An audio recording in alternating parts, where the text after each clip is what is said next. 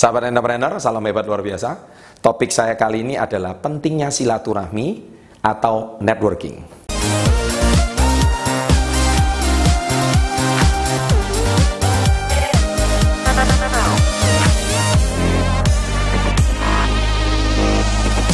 Sebetulnya eh, selama 20 tahun dalam saya menjalankan bisnis, satu kata kunci ini adalah networking atau membangun hubungan dengan manusia atau di Indonesia kita lebih sering kenal dengan nama silaturahmi.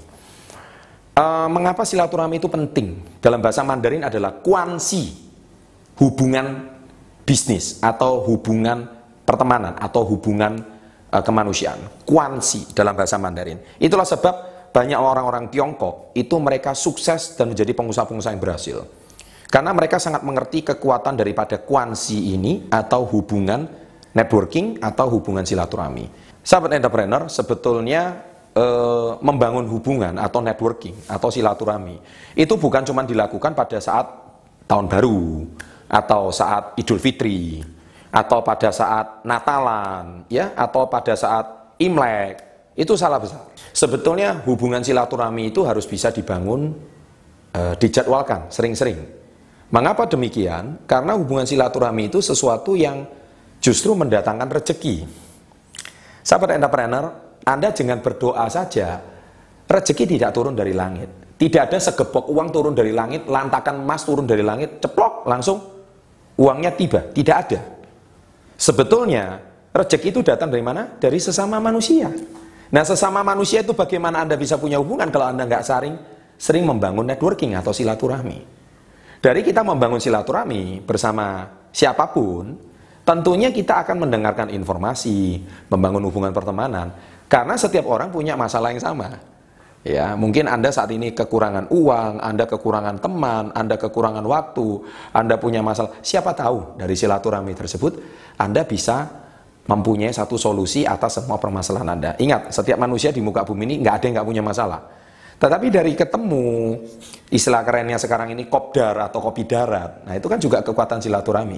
Dari situ kita bisa saling berbagi. Nah tentunya dengan komunitas yang positif ya. Kalau Anda setiap hari silaturahmi dengan kumpulan-kumpulan yang tidak mendatangkan manfaat bagi masa depan, ya Anda juga mendapatkan hal-hal seperti itu. Contohnya para pemabuk, hari ini kumpulnya sama para pemabuk. Ya cocoklah yang dibahas juga nggak jelas. Ya, para pejudi kumpulnya sama para pejudi Ya cocok lah yang diomong topiknya seputar itu. Lu makan gue atau gue makan lu. Nah itu silaturahmi yang menurut saya harus ditinggalkan. Kalau Anda mau membangun masa depan yang lebih baik. Nah, tentunya Anda harus punya satu komunitas, mulai dari mulut ke mulut teman. Suatu hari Anda pasti menemukan suatu komunitas yang positif, ya. Dan tentunya di situ bisa membuat cara berpikir Anda lebih maju.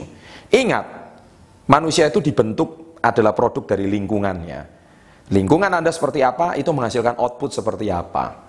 Nah, dari mana lingkungan ini berasal? Dari kekuatan silaturahmi. Anda mau menjadi siapa? Anda harus mempunyai komunitas seperti apa. Kebetulan saya punya komunitas bisnis namanya Yes. Itu salah satu komunitas saya di sini. Ini juga salah satu kalau Anda ingin punya komunitas untuk membangun bisnis di sini kami juga uh, mempunyai komunitasnya. Dan di bawah ini ada link deskripsi ya, itu Anda juga bisa kunjungi, itu kekuatan yang sangat baik. Saya percaya kekuatan silaturahmi bisa membangun masa depan Anda lebih baik. Sukses untuk Anda. Salam hebat luar biasa. Dan jangan lupa subscribe, berikan komen yang positif di bawah. Pasti saya akan membacanya dan saya menunggu kemajuan Anda. Bye-bye. Sahabat entrepreneur, salam hebat luar biasa. Dan topik kali ini saya akan membahas siapakah motivator terbaik.